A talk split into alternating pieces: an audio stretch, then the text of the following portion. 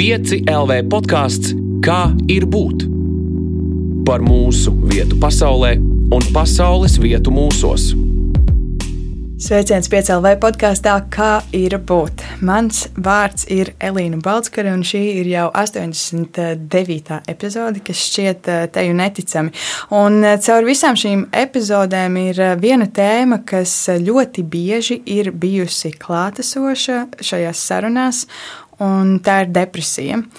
Un depresija ir kaut kas, kas dodas pie cilvēkiem eh, nevienu nešķirojot. Un eh, nav tā, ka var sitienu saņemties, un nav tā, ka cilvēki tīši prāt izliktos, eh, lai arī izskatās, ka viņiem nekas nekaiš. Un vēl nelabāk paliek, ja kāds stāsta par to, kā pareizi piedzīvot grūtības, kā pareizi skumt vai um, vienkārši dzīvot. Un lai vai šī tēma ir bijusi klātesoša, mēs nekad neesam ieskatījušies tai tieši kodolā. Tāpēc šodien to darīsim un savā stāstā dalīsies Luīza Jansone. Čau! Čau! Kur tu pirmo reizi satiki tumsu sevī?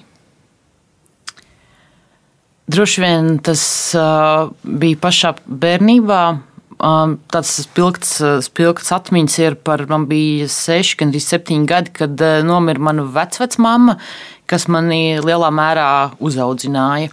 Jo Es, man nebija nelabvēlīga ģimene, absolūti nē, bet tur bija savas nesaskaņas, kā tas mēdz būt. Es ļoti daudz laika pavadīju pie savas vecmāmas laukos, un viņa uzai, man uzaudzināja, un tad viņa nomira.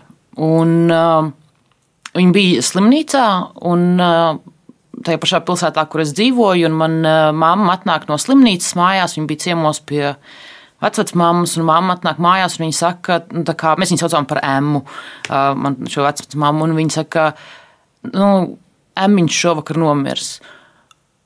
Un man tas bija tāds šoks, kā bērns, kā tu vari zināt, man bija kaut kāds tā kā tāds dusmas, vai nu, tāds kaut kāds, kā tu vari zināt, ka viņi nomirs. Tā kā tu viņai izdarīji kaut ko, tā kā kāds var notikt. Un, nu, protams, tagad, kā pieaugušs cilvēks, es saprotu citādāk šo, šo situāciju, un tā, un tad nāca tās bērns, un, un tas viss, un pēc tam, pēc tam man arī sākās visādi tur. Es staigāju pa miegam, runāju, un visādi šādas te, un es vispār skolā tur noslēdzos, kaut arī pirms tam es varbūt nebiju tāds bērns, un tas varbūt ir tāds pirmais brīdis, ko es atceros, kas manī radīja tādas kaut kādas eh, šausmas, sākot ar to paziņošanas brīdi. Es nezinu, vai bērnam tā vajag teikt, ka kāds šovakar nomirs. um, bet nu, jā, tas droši vien tāds spilgtākais, kas man nāk prātā. Kā tev šķiet, eh, ir tāda tumsa, vai arī tas ir gaismas trūkums? Kā tu teiktu? Tas ir um, labs jautājums. Um, man liekas, varbūt abējādi. Un, um, Man ir bijis dzīvē periodi, kad man absolūti nav gaismas trūkuma, bet ir tik un tā tums. Un ir kaut kas, kas kaut kāds kupols vai kaut kas, kurā tu esi ieslodzīts un tā gaisma pie tevis nenonāk.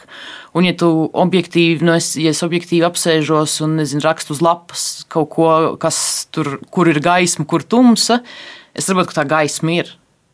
Bet tā līdz manim nenonāk. Un es esmu bijusi šādās situācijās, un tas patiesībā ir ārkārtīgi izmisumu raisošs brīdis, jo tu nesaproti, no kurienes tā tums nāk, jo viņai tur nevajadzētu būt.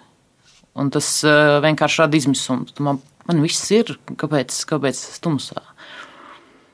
Kā tu jūties šobrīd? Nu, tā patiešām, jo mēs bieži vien jautājam draugiem, paziņām, kā tev iet, vai tā. Man Jā. patīk labāk jautājums, kā tu jūties, jo man tiešām interesē, kā cilvēks jūtas. Kā tu jūties? Uh, šobrīd um, es neesmu ne gaismā, ne tumsā. Es esmu tādā, man liekas, dziļā miglā. Ka apmēram es nojaušu, kur ir kaut kādi ceļi, kaut kādas, kur varētu iet, vai kas varētu man nākt pretī un palīdzēt, bet ir tāds apjukums, tā dezorientācija ļoti liela. Um, Es zinu, kas man ir jādara, kas man, ko man vajag darīt, ko man kā būt, bet ļoti pazudusi sajūta. Ko tu gribi no sevis un no dzīves?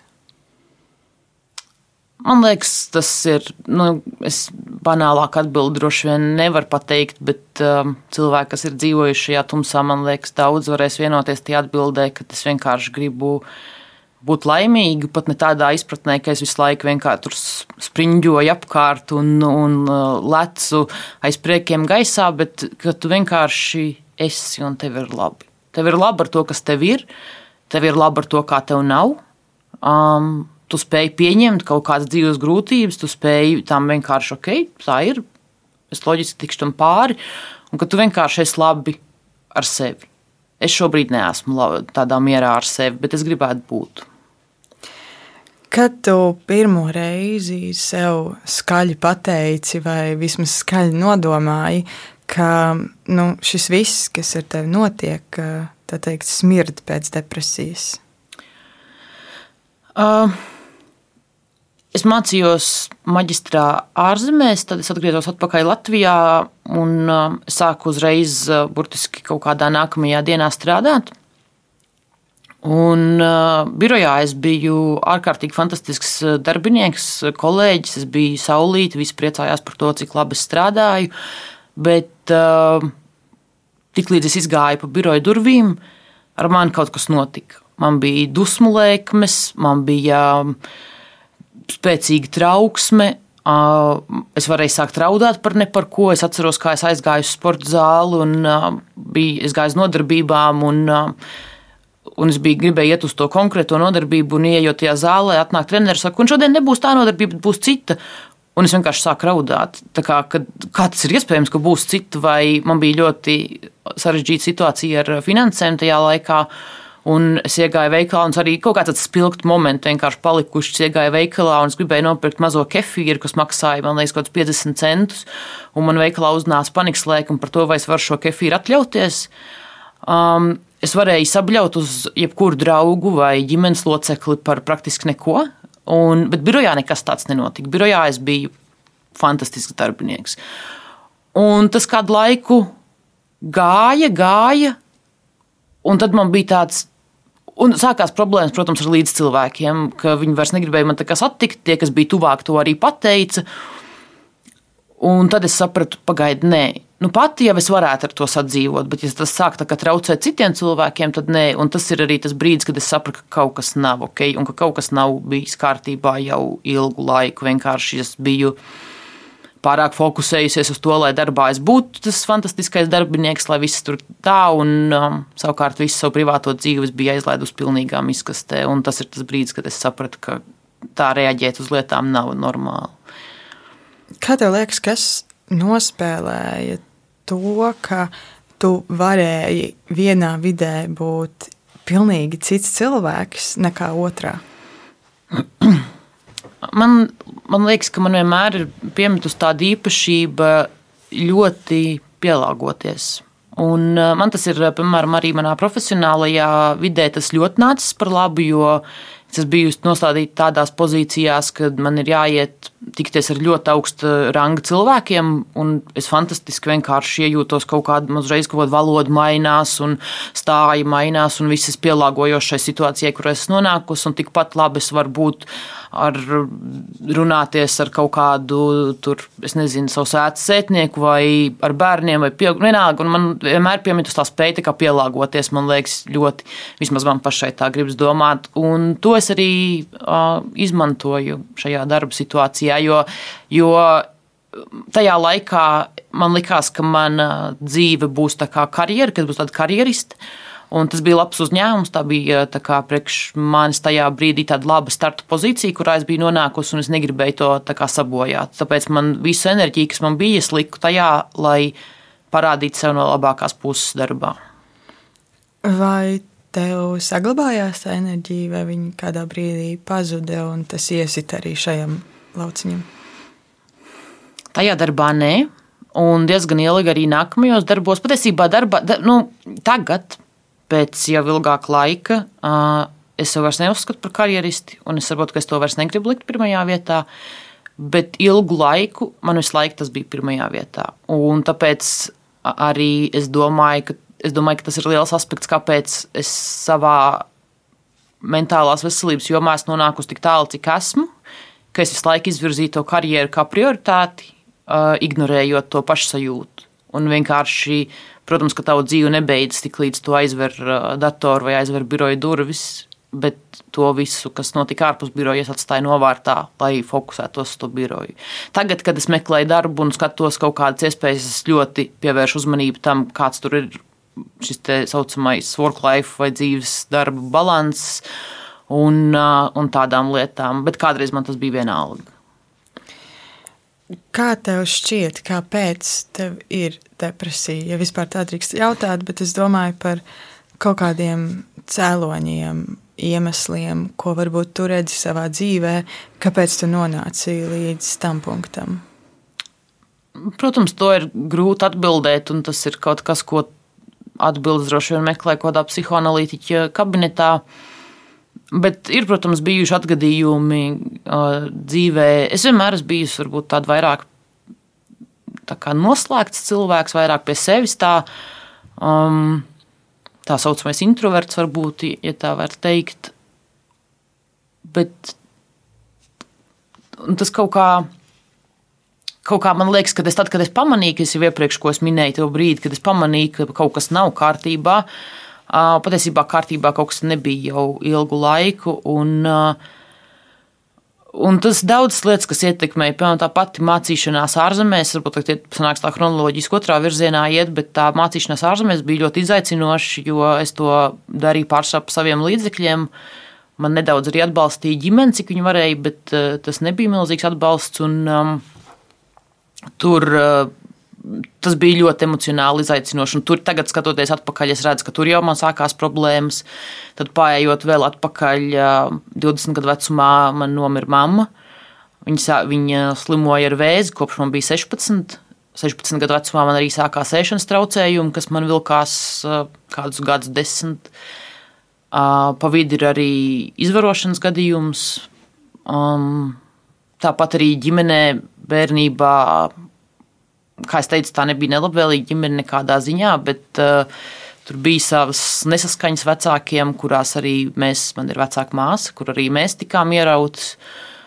Un pašā bērnībā bija vēl sliktāk, to es ļoti maz atceros, bet no nostāstiem, varbūt tur neiešu detaļās, bet tur no nostāstiem ir uh, bijis ļoti slikti vecākiem savā starpā. Var teikt, ka patiesībā pat situācija uzlabojās ar gadiem.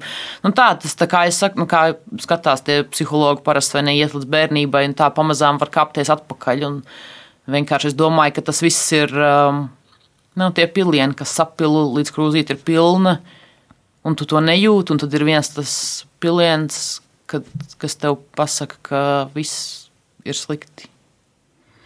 Mm, tava krūzīte izklausās ļoti pilna un ar kaut ko man gribās teikt tādu tumīgu un smagu, ja var tādu salīdzinājumu izmantot. Brīdis, kurā tu saprati, ka tai krūzītei nu jau viss iet pāri malām, vai krūzīte jau ir sākus plīst pušu, ko tu darīji? Nu, man varbūt paveicās, ka nevar teikt, bet uh, paveicās, ka man bija draudzene, kurai arī bija depresija. Protams, žēl šo draugu, bet, uh, bet uh, es tajā laikā ar viņu dzīvoju kopā. Un viņi man kaut kādā mērā, viņi jau bija gājuši pie terapeitiem, viņi bija gājuši pie psihiatra, un varbūt tādā ziņā man nebija šīs te, tā, tā saucamās stigmas, ka tas ir kaut kas tikai tur trakie vai nu, visas šīs lietas, ko mēdz teikt. Un uh, Pirmais, ko es darīju, es aizgāju pie psihiatra. Um, tas bija maksas psihiatrs. Man bija tajā laikā, tajā darbā bija praksē, līdz ar to man bija ļoti maza alga. Un, uh, protams, tas bija tā ārprāts, ārprāts, kā es to varēšu atļauties, bet tas paveicās, ka vienkārši tas psihiatrs, pie kur man uh, tā draudzene gāja, bija samērā lēts un uh, pieejams. Un tad uh, es aizgāju un sāku dzert kaut kādas zāles sākumā. Tā tas viss sākās. Un kā tas turpinājās? Un kad, cik gadus atpakaļ šis uh, sākuma posms ir iezīmējams? Uh, tas ir, nu, varētu teikt, apaļ seši gadi. Ir pagājuši kopš manas pirmās psihiatra vizītes. Es dzēru zāles, man nekļuva labāk. Uh, zāles tika visu laiku mainītas, un man nekļuva labāk, un man nekļuva labāk. Uh, nāca lietas tikai klāt. Piemēram, viena tāda lieta, kas um, man liekas, daudziem pieaugušajiem ir tabū, un ja par to arī meklē informāciju internetā, parasti tiek runāts par bērniem un pusauģiem, bet tas ir paškaitējums. Tas ir, es sāku sev graizīt ar nazi, um, lai atvieglotu savas emocionālās sāpes, vai izjūtot šīs fiziskās sāpes. Tur, tas patiesībā ir arī psiholoģiski, tur izdalās kaut kas, nu, neiesim tajā tēmā. Bet, Vienmēr sakot, un es domāju, kāds var būt. Es taču dzeru zāli, eju pie psihiatra, un man tagad vēl es sevi vēl sākšu graizt. Nu, tas man vispār nelikās loģiski, un es īsti nesapratu, ko darīt. Un, um, Tad man uh, draudzene ieteica, tad vēl es aizgāju, es domāju, aiziešu pie citu psihiatra, kurš zinās labāk zāles iedot, bet man nebija vairs naudas īpaši staigāt tur meklēt uh, entos psihiatrus. Es aizgāju uz uh, RPNC, Rīgas psihiatrijas un narkoloģijas centra uh, psihiatriem, kas ir bez maksas. Tur vispār man neņēma pa pilnu, teica, tas kaut kāds tur meitenīšu uzmanības pievēršanas triks, tas, kas ir diezgan klasiska lieta, ko teikt, pieņemsim par paškaitējumu. Um, Un tad es biju tā kā bišķiņas sprukās. Es vairs nezināju īsti, ko darīt, jo es dzēru daudz tā zāles, katrs zāles arī kaut ko maksā. Pirmā kārtā daudz psihiatrijas zāles ir diezgan lētas. Tas, kā, tas nebija tik smagi.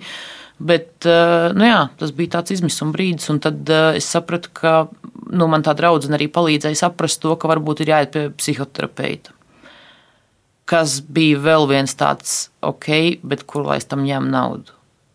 Un um, nu, te laikam nāca tālāk tas, kas bija mācījies ārzemēs ar ļoti ierobežotu budžetu, un es ļoti mācīju taupīt naudu. Un, nu, tad, arī, tad man arī nāca virsū histērijas par to, vai es varu atļauties 50 centu kefīru vai nevaru, um, jo vajadzēja iet pie psihoterapeita.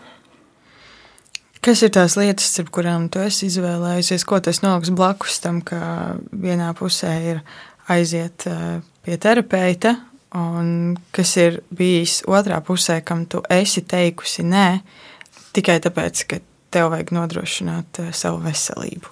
Jā, nu, to ir grūti, protams, atbildēt, jo vecais labais latviešu teiciens, jo santīm pie santīm nekrās pie lata netiks, un tā tas arī veidojās. Tu zini, ka tev visam nedēļā vai arī, piemēram, es izvēlējos iet reiz divās nedēļās, nevis katru nedēļu, kā ir kā ieteicams, ceļš tādos akūtākos gadījumos. Um, bet, nu, jā, es vienkārši, protams, kaut kādu pārtiku, vai ne, tur neju uz kafejnīcām, vai, ja tur draugi aicina aiziet to, tur ejam kaut kur, tu saki, nu, nē, es diemžēl nevaru. Un tad, protams, tu saki, tev tur ir jāstrādā, piemēram, vai, vai tam līdzīgas lietas, jo tev ir kauns teikt, ka tev nav naudas vienkārši tāpat. Un, un tam līdzīgi. Un tā nevar pateikt, ka kaut kas eh, tāds ļoti, kam es pateicu, nē, jo, teiksim, tā alga bija tiešām maza. Un uh, nebija nekas daudz, kam es varēju teikt, jā, jebkurā gadījumā.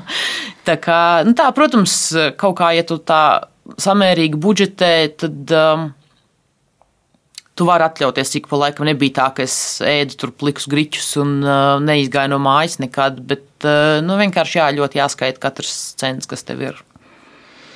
Es iedomājos, cik skaudri ir uh, tas, ka tev ir jāsaka nē lietām, kuras patiesībā var nest uh, prieku tajā drūmajā laikā, piemēram, kopīgs laiks ar draugiem, vakarā izjūt, nezinu, pāriest kopā vai jā, kaut ko citu. Jā, tas ir.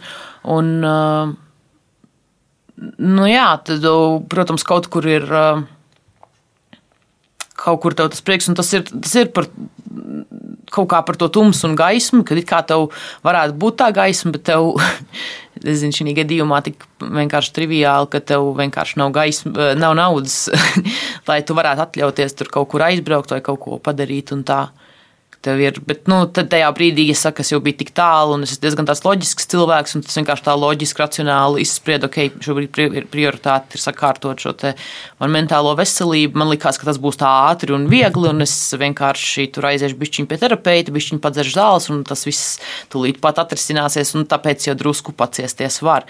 Bet uh, sešus gadus vēlāk es esmu turpat, nu ne turpat, bet jā.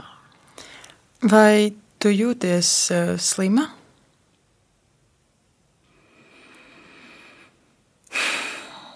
Vai es jūtos slima? Um, es nezinu, vai slima, bet es noteikti jūtos, ka ar mani kaut kas nav kārtībā. es jūtos tā kā. Uh, Salauzta un, uh, un tā. Jo nu, daudz, ja to arī tā skatās, tad teiksim, daudz tos tie, depresīvie traucējumi, ja to kā nu, traucējums, nevis tur slimība vai ne. Bet um, es nezinu, jā, tas ir interesants jautājums. Bet laikam, laikam nē, es laikam nejūtos slimu. Vienkārši kaut kādā mērā kaut kas ar mani nav pareizi tā, kā tam vajadzētu būt. Un tad vēl jautājums par to, vai tu jūties, ka tā esi tu, vai ka tas ir kaut kas, kas ir tevī? Uh, tagad jau es jūtos, ka tā esmu es. Un, um, nu, tiek runāts bieži par iekļaujošu valodu un tādām lietām. Tur saka, nevis, piemēram, invalīds, bet cilvēks ar invaliditāti. Nu, viņš pats ir vienkārši cilvēks, vienkārši viņam ir kaut kas, un tad, piemēram, nevis depresīviķis, bet cilvēks ar depresiju.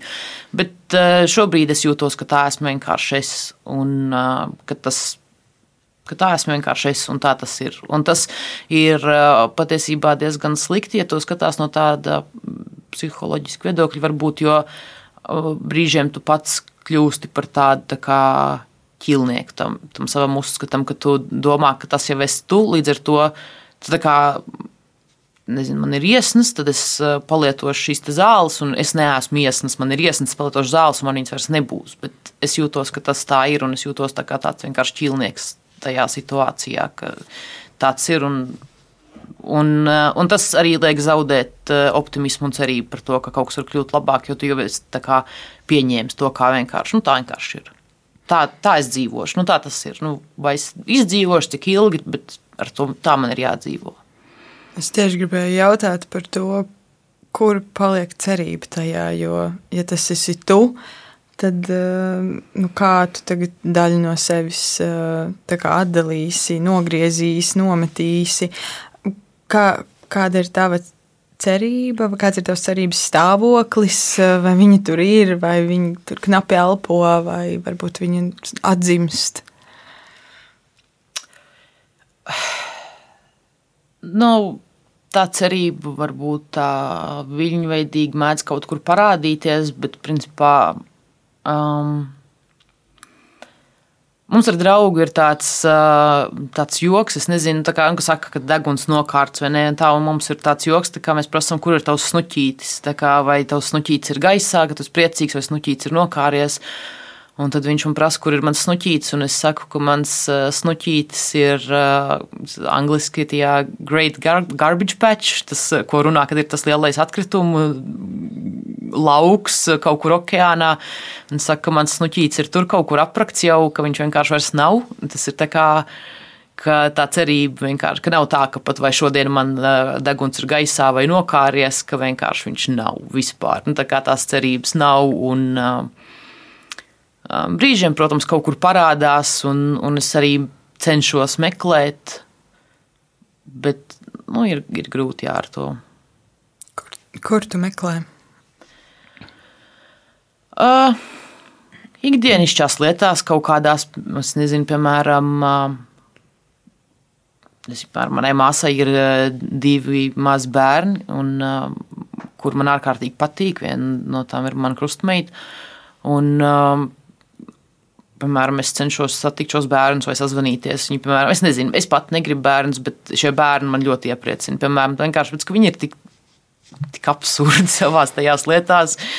Un uh, vienkārši tev liek pasmaidīt vai kaut kādas tādas lietas, vai, vai tāpat draugs ļoti, protams, cenšas man visādi uzmundrināt un, un uh, kaut kādās tādās ikdienišķās lietās vienkārši man ir fantastisks suns, ar kuru es spēlējos un mācu viņu. Un, nu, tādas vienkāršas lietas, jo nekam tādam baigi, nu, droši vien kāds tāds eh, motivētāks teiktu, es lasu grāmatas un meditēju un tā, bet man vienkārši nav spēka tādām lietām. Un, varbūt kāds pārmetīs, ka tad es pat vainīga un slinka un tā, bet nu, es atvainojos, jā, vienkārši šobrīd eh, man nav tādām lietām mentālās kapacitātes.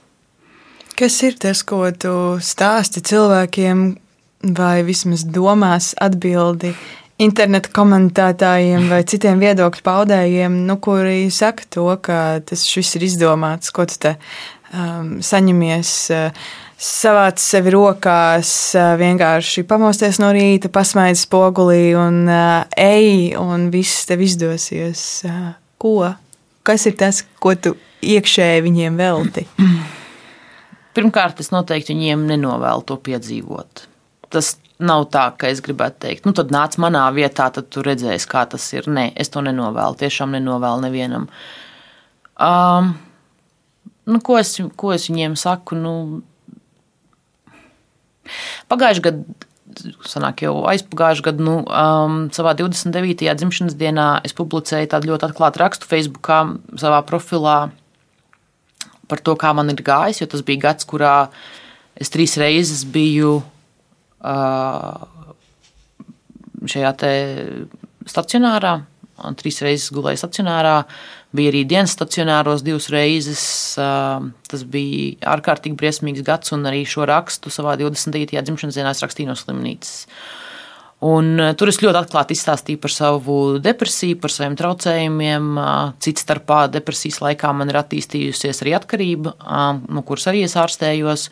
Un es rakstīju par atkarību, un atkarība ir vēl viena tāda tēma, kas cilvēkiem liekas tāda, nu, vienkārši nelieto, vienkārši nedzer, vienkārši nepīpē, vienkārši nelieto. Tas taču ir tik vienkārši.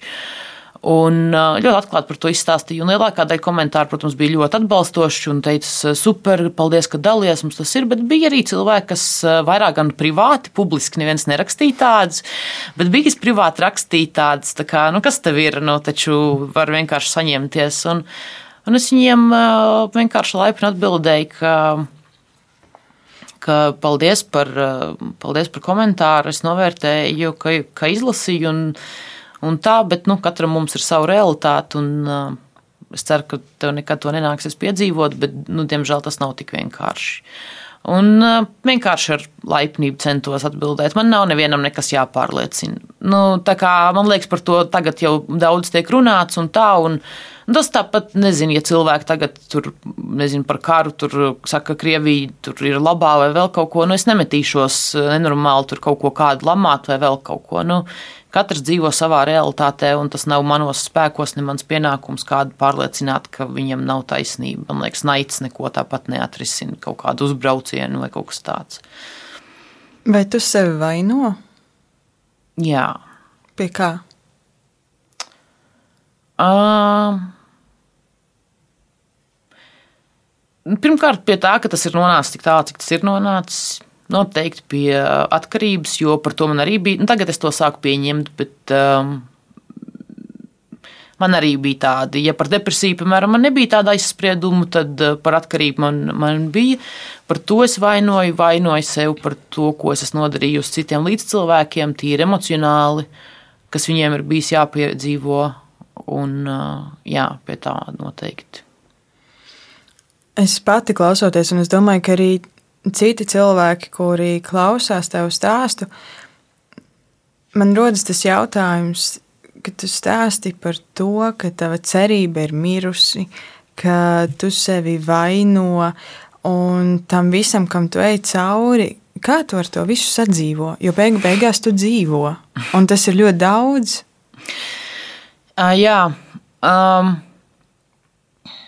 kādreiz, uh, kad es gāju uh, terapijā, Un uh, es terapeitei teicu, viss man nav nekādas cerības, uh, es esmu visam atmetus ar roku, es vairs necenšos un tādas lietas. Viņa teica, bet tu taču esi šeit, tu esi terapijā.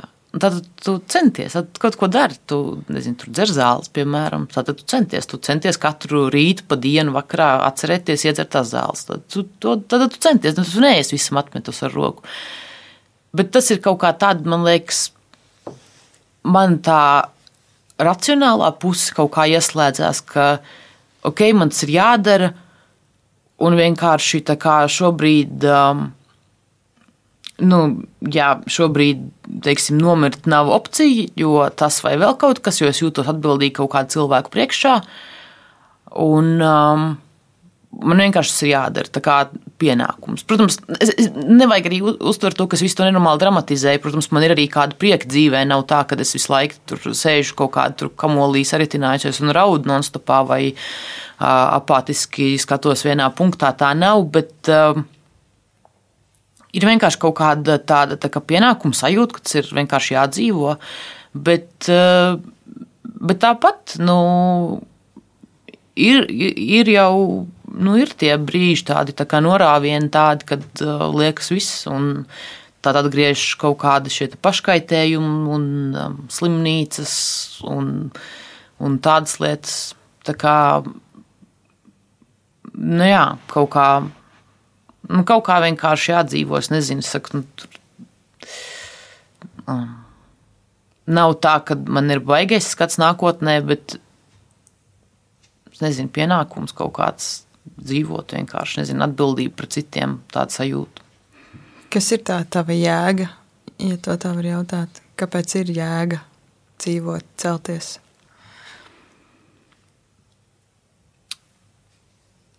Es nezinu. Es tiešām nezinu. Um, nu, ir dienas, kad es nepieceļos. Es šobrīd nestrādāju, piemēram, um, Es meklēju darbu, um, kas arī ir bijis ļoti izaicinoši manā stāvoklī. Bet uh, ir dienas, kad es nepieceļos no gultas. Mans draugs aiziet uz darbu, vakarā nāk mājās, un es turpat arī esmu, kur viņš man atstāja no rīta.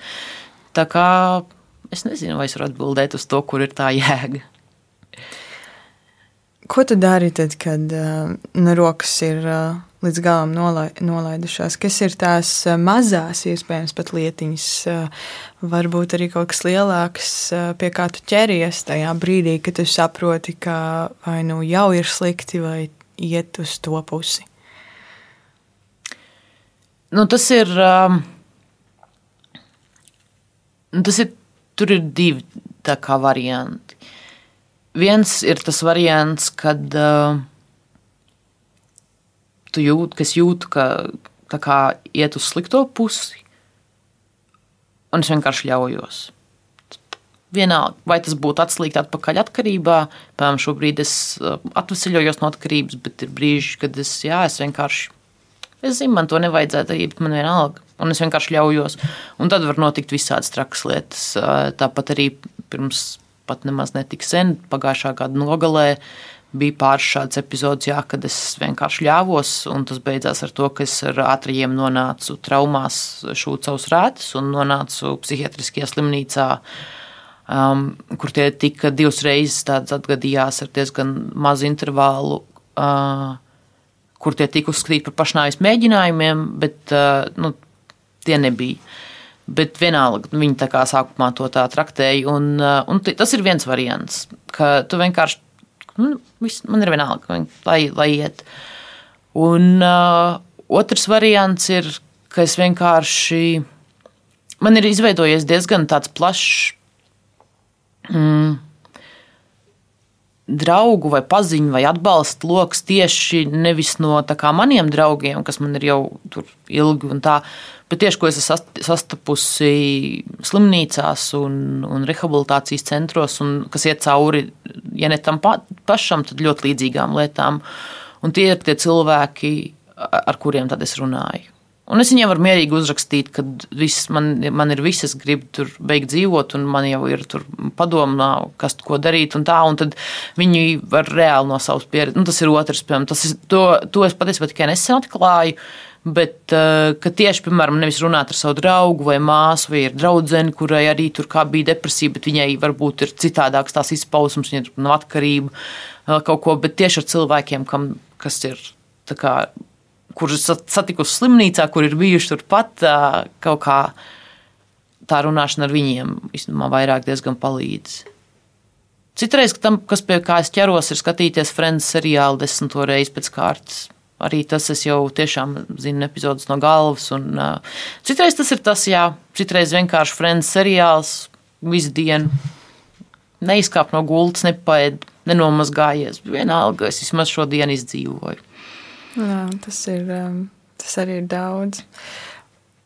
Kā tu raksturotu to um, Luīzi, kura tu biji pirms sešiem gadiem, un to vietu, kur tu biji, un kā tu jūties salīdzinājumā pret uh, šodienu, kas ir mainījies. Jo seši gadi ir um, ilgs laiks, tu esi piedzīvojis gan uh, ļoti sliktas, gan uh, ļoti labas lietas.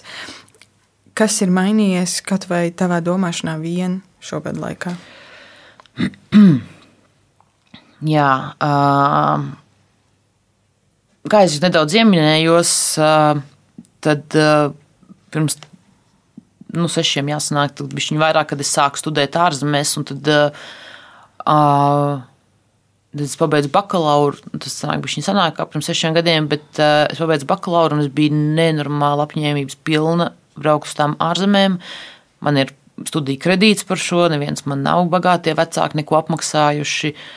Uh, man bija kaut kāda neliela iekrājuma tur. Uh, arī ne no kā pozitīva, kaut kāds neliels mantojums no mammas nāves, ja, kas, nu, tā, lai nevarētu teikt, ka man ir bijuši kaut kāds tur baigais, nezinu, nekustamais īpašums vai kas. Un, um, un uh, es biju nenormāli apņēmīga. Es, kā, es tur braukšu uz to Portugāli, es studēšu, es aizbraucu. Es saku, tas bija kā biznesa studijas. Man bakalaurs ir no kultūras akadēmijas, neko nesapratu. Es biju nenormāli apņēmīga. Es nenormāli tur mācījos. Tur bija kaut kādi apjukuši, nevis, nevis apjukuši, bet aptrakuši vācu studenti, kuriem pilnīgi citādāk tā domāšana ieaudzināta, kuriem tas atzīmes nenormāli svarīgas ir un tā. Un, un es iegāju visā tajā trakumā iekšā, ka man arī viņas ir svarīgas un ka tā, viss ir tur tā nenormālā sāncensība un viss tā mācīšanās un, un viss bija tik, tik enerģiski un tāda apņēmības pilna, un man nebija naudas, bet man bija viena alga, un es visu gāju. Un tā, un arī tad, kad es, es pabeidzu to augstskolu, un es atbraucu atpakaļ uz Latviju, un es dabūju labu nu, tā, praksi labā uzņēmumā, un man vajadzēja pierādīt, man bija tā karjera, un es biju tajā laikā arī daļēji. Uh, viens no maniem amatpienākumiem, var teikt, bija asistēt uzņēmumu vadītājai. Uh, Grupa fantastiska sieviete, un no viņas ārkārtīgi daudz mācījos. Man bija jā, es gribu būt kā viņa kādu dienu, un tā, tas, tās karjeriskums, tā mērķtiecība, tāds cīņas spars, tā kā nu tik, ieš, es, nu, nu, tik es iešu, nu tik būs, nu es tur eh, sasniegšu visu, un es biju tāda ļoti ambicioza un ar baigajiem mērķiem kaut kā, varbūt nevarētu teikt, baigajiem mērķiem, tādā, ka es zināju, ka es gribu tur to, to nu, tā kā pa soļiem man tur viss izkalkulēts, bet tā, ka es zināju, ka es gribu to karjeru manā dzīvē, tas būs galvenais, un es sasniegšu daudz. Tā kā to es zināju. Tas man varbūt tā vāciešu augstprātība bija pielipusi, bet uh, tas tā, tāda tas bija.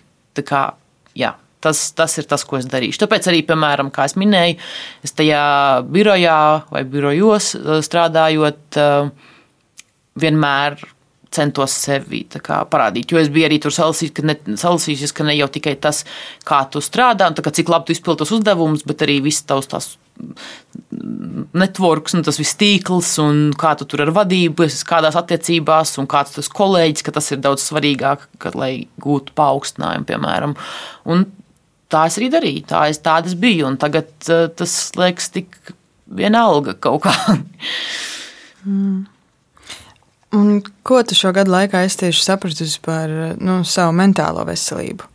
Kā ir mainījies tas, kā tu pirms tam sešiem gadiem lūkojies uz faktu, ka tu saproti, ka tev ir depresija, un kā tu šo faktu lūkojies pēc sešiem gadiem, kad tu noteikti arī zini par to vairāk, tu esi to pieredzējusi vairāk un dažādāk?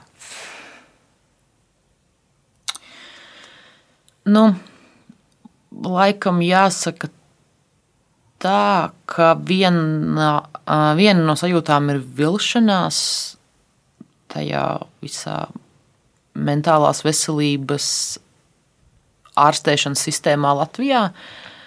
Um, arī tas, ka sākumā, kā es arī iepriekš minēju, ka man likās, nu, es tagad aiziešu pie psihiatra, druskuļi padzeršu zāles, tad aiziešu pie terapeita, tur uz nezinu, tur desmit sesijām. Es, piemēram, gāju uz to KBT, kognitīvu behaviorālu terapiju, un es biju lasījusi, ka tur tipiski tā nav tā tā psihodinamiskā, kur tu tur gadiem eju, neju, neju, neju, bet tur, piemēram, desmit sesijas, un viss ir super, un var iet mājās. Un es biju, ok, tā arī būs.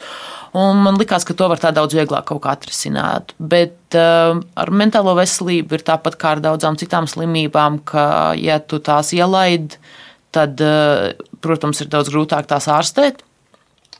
Un man jau savā ziņā tas bija drusciņš ielaists jau tagad par, par tālu tajā brīdī, kad es vērsos pēc palīdzības.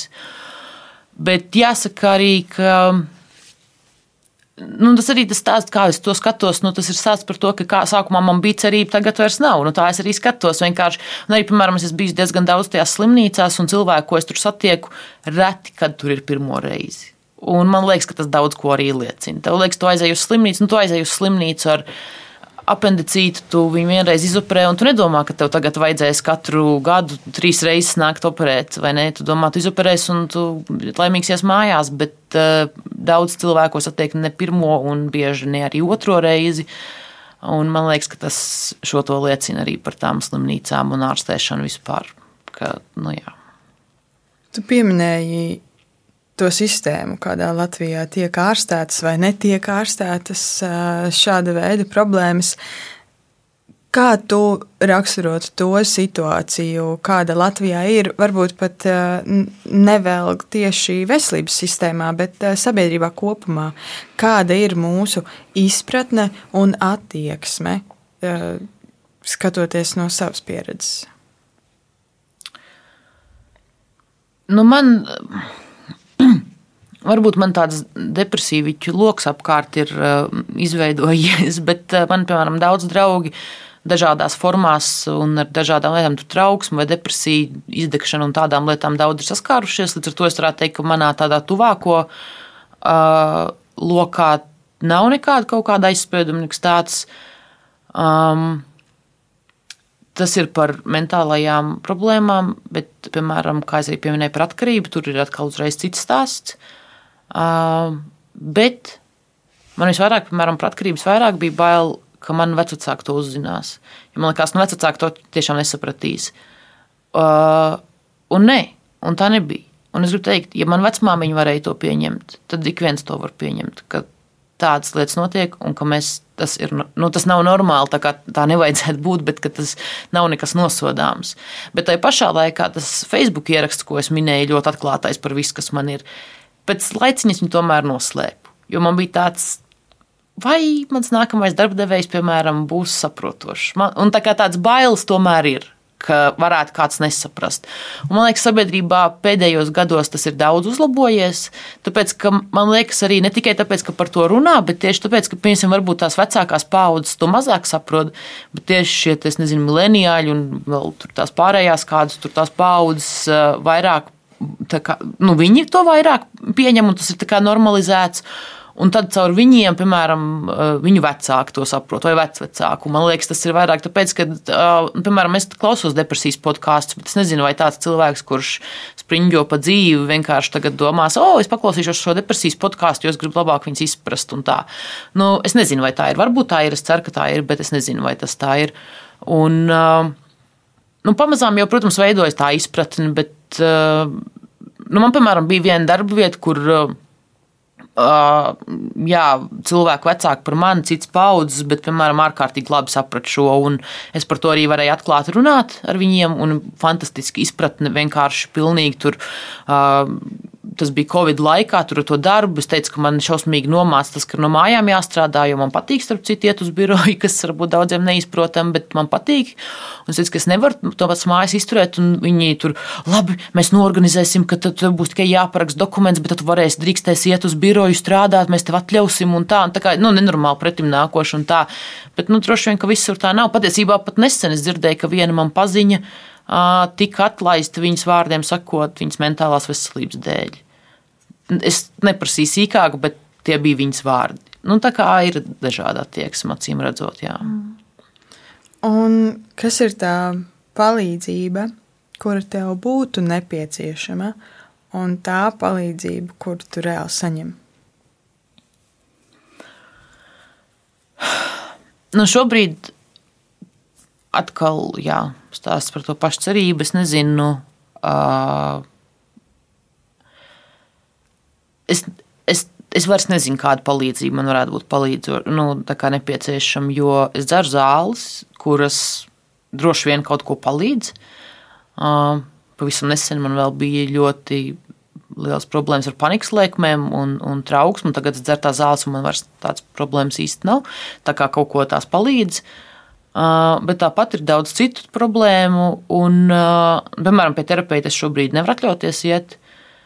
Um, draugs tur saka, ka, jo, jo es diezgan ilgstoši šobrīd nestrādāju, kas ir lielā mērā saistīts ar manu mentālo veselību, un draugs tur saka kaut ko, ka viņš man tur kaut ko maksās, un tā, bet mans lepnums neļauj to pieņemt. Um, un, um, un uh, tā kā terapeits tas nav, slimnīcas es, es labāk.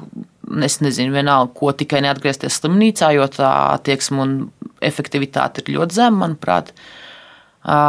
Es eju prātam pie psihiatra, bet nu, tur jau vienkārši tā zāles laika viņš man izraksta, tur nav baigi ko pārunāt. Tā kā es nezinu, kaut kas. Uh, varbūt kaut kas.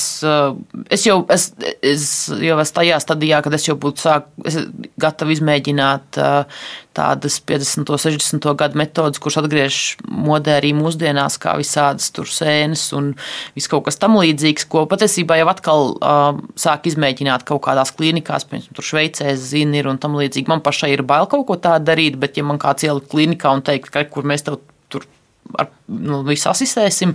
Es būtu gatava arī mēģināt to. Man jau ir tā kā vienalga, nu, ja kāds var man kaut kā tā palīdzēt, lai būtu. Es, bet es nezinu, es tiešām nezinu, kas ir tas, kas varētu palīdzēt šobrīd. Man liekas, um, interesanti, ka tu pirms tam komentējot to, kāda ir um, mūsu sabiedrības izpratne un pieņemšana attiecībā uz to, Tu izteicies diezgan pozitīvi, jāsaka, kā ir, bet šobrīd, kad pieņemsim, tu komentē to attieksmi, ar kādu tu sastopies ārstniecības iestādēs, kur teorētiski, kas ir veltītas šīm, kur vajadzētu tam būt vis tādā augstākajā izpratnes, nezinu, latiņā, tu izsakies pilnīgi pretēji. Kas ir tā, tā pieredze, kas tev liek šādus vārdus teikt? Pat izstāstīšu vienu konkrētu gadījumu. Man īsti tādu panikas lēkmju, tādu rītīgi trako nebija bijis. Un pagājušā gada septembrī, oktobrī, varbūt kaut kādā tādā mēnesī. Uh, nav svarīgi, bet uh, pirms kaut kādas aplīdzinošas nesen, laika, nesen laika man uh, vienkārši no kurienes pēkšņi naktī sākās nenormāla panikas lēkme. Uh, tā ka man viss ķermenis bija uh, notirpis, raustījās krampjos, es nevarēju parunāt, ir tā nenormālā kaut kāda pasaules gala miršanas sajūta, un es saprotu, tas sirds stājās vai sitās, vai kas vispār notiek. Mm, mēs izsaucām ātrā palīdzību, viņi tur, tur deva zāles, tad man sākās vēl trakāka lēkme, viņi deva man vēl zāles, un es biju nenormāli nobijusies. Uh, un prasīja, vai, viņi, vai es gribu, lai man ved uz slimnīcu. Un tajā brīdī es biju tik normāli pārbijusies no tā visa, kas varētu notikt. Es teicu, jā, vediet man vienalga kaut kur, vienkārši es negribu būt mājās, kad, ja man šī tas, viņi teica, zāles izies pēc kādām pāris stundām, un tas var atkārtoties. Es teicu, man vienalga, es tikai negribu būt viena pati, kad tas notiek. Un tā kā es biju iepriekš ārstējusies uh, uh, psihiatrijas slimnīcā, viņi man aizved uz Tvaikielu. Bija nakts. Uh, Un, uh, viņi man ieveda uh, Tvaikielā ļoti jauki šie neatliekamās palīdzības mediķi. Un tur ir šis dežūrējošais ārsts, kurš uh, kā, prasa tiem mediķiem, kas man atveduši, nu, tad, kas ir tā situācija, kāpēc es šeit esmu. Viņi saka, nu, tur panikas lēkme, tur tas un tas. Mēs devām šīs zāles, nu, izskaidrot to medicīnisko situāciju. Un tas dežurējušais ārsts sāk bļaut uz tiem mediķiem par to, ka, kāpēc jūs viņu vispār te atvedāt, kāda jēga ar panikas lēkmu šeit vest ir tas pats, kas ar mēnešreizēm uz traumām. Un es, kā, protams, man jau tā zāles bija iedarbojušās, es jau biju palikusi mierīga, un es to situāciju varēju uztvert.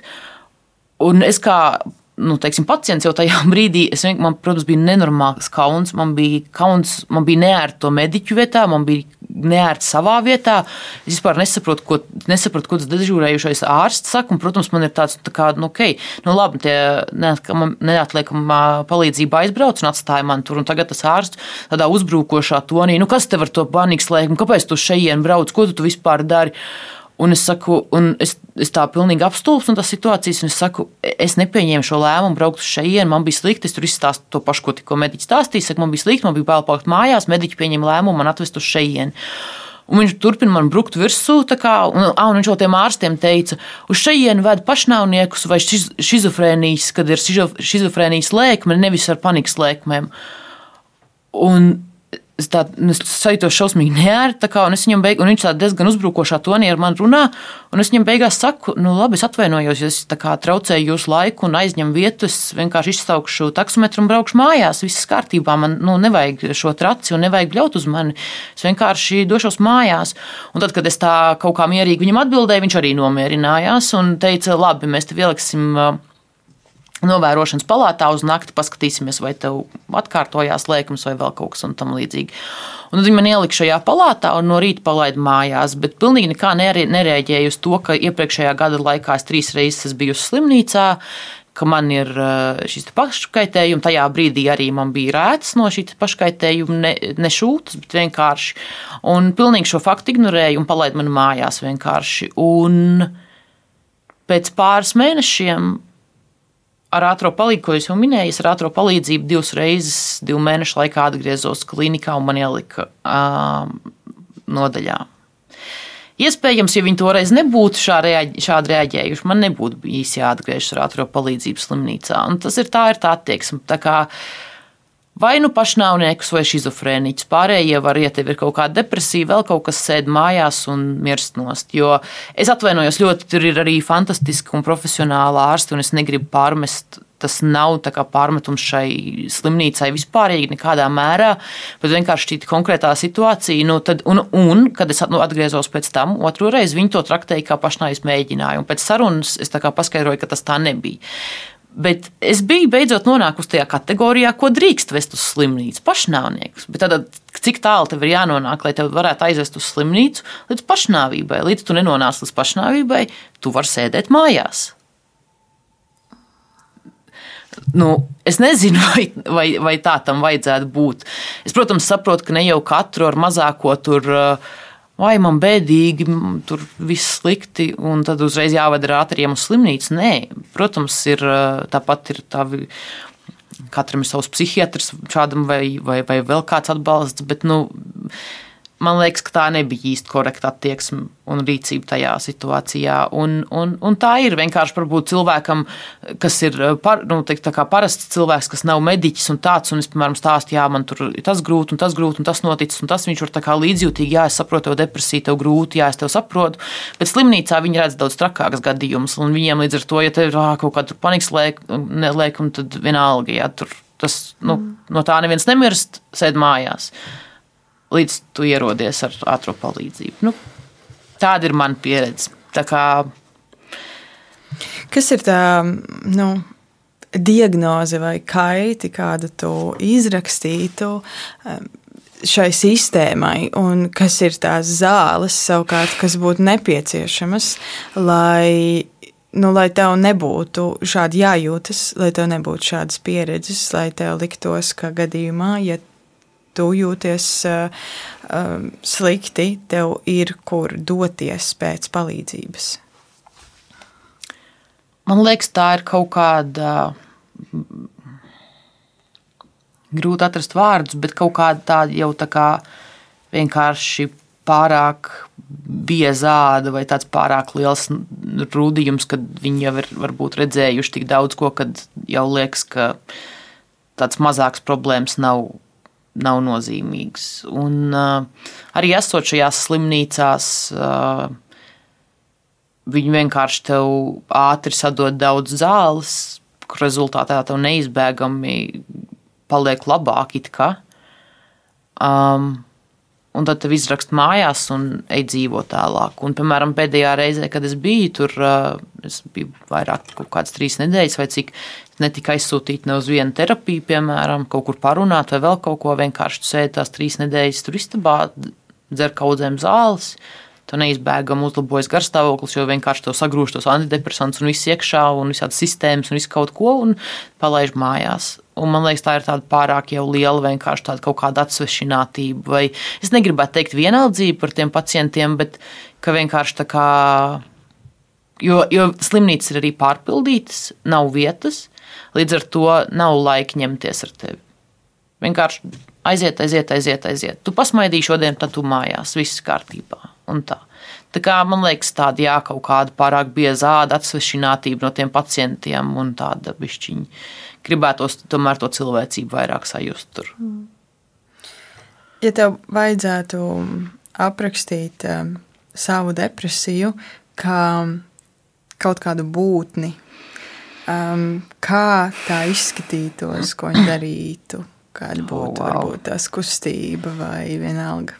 Šis jau ir tāds uh, terapeita līmeņa jautājums. Uh, Kaut kādas pirmās asociācijas. Pirmās asociācijas, kas man ienāca prātā, ir kaut kāds tāds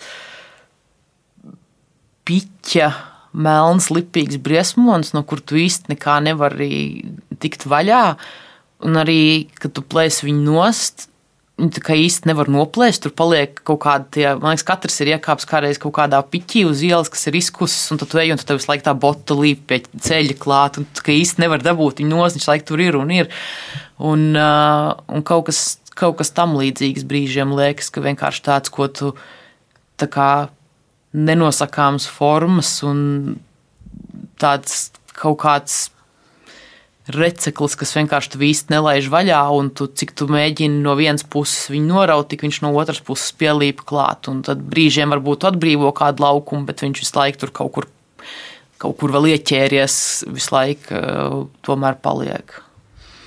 Lūdzu, es tev esmu ļoti pateicīga par to, ka tu esi tik. Uh, es to saukšu par drosmi, ka tu esi tik drosmīga lai atnāktu šeit uh, nevis ar to tēlu, kas saņemās un to piķu briesmoni kaut kur cenšas uh, nospest nost, kad, kas beigās rada milzīgu spriedzi un to visu tikai grūtāku, bet uh, ka tu vari atnākt šeit ar visu to monstru blakus un, un apsēsties pie šī galda. Es zinu, ka tava cerība ir diezgan vājā stāvoklī, bet es no visas sirds novēlu tev atrast veidu, kā notīrīties no tā pīķa. Es nezinu, varbūt jāiet pie būvniekiem, prasīt, ko viņi dara, ja viņi sasmērējās galīgi netīri. Bet vēl pašā noslēgumā pastāsti, ko tu darīsi pēc šī ieraksta? Pēc šī ieraksta es došos mājās es izvedīšu savu burvīgo suni. Un tad man ir jādodas iepirkties. Jo man ir kaut kas jābūt kārtīgai sievai mājās, un kamēr draugs strādā, kaut kas jāpagatavo ēst vakariņās un tādas kaut kādas ikdienišķas lietas. Jo pēdējā laikā es laiku sēžu mājās, un šodien tad bišķiņas iznāca uz šejieni, tad es iešu padarīt lietas. Jā. Un vai tu plāno šo ierakstu kādreiz pirmkārt klausīties, otrkārt ar to dalīties? Um, nu, es jau teicu, mans draugs teica, o, tik forši, ka tu iesi un dalīsies savu pieredzi, priek noklausīšos. Un es teicu, pirmkārt, tu nekad to nedzirdēsi.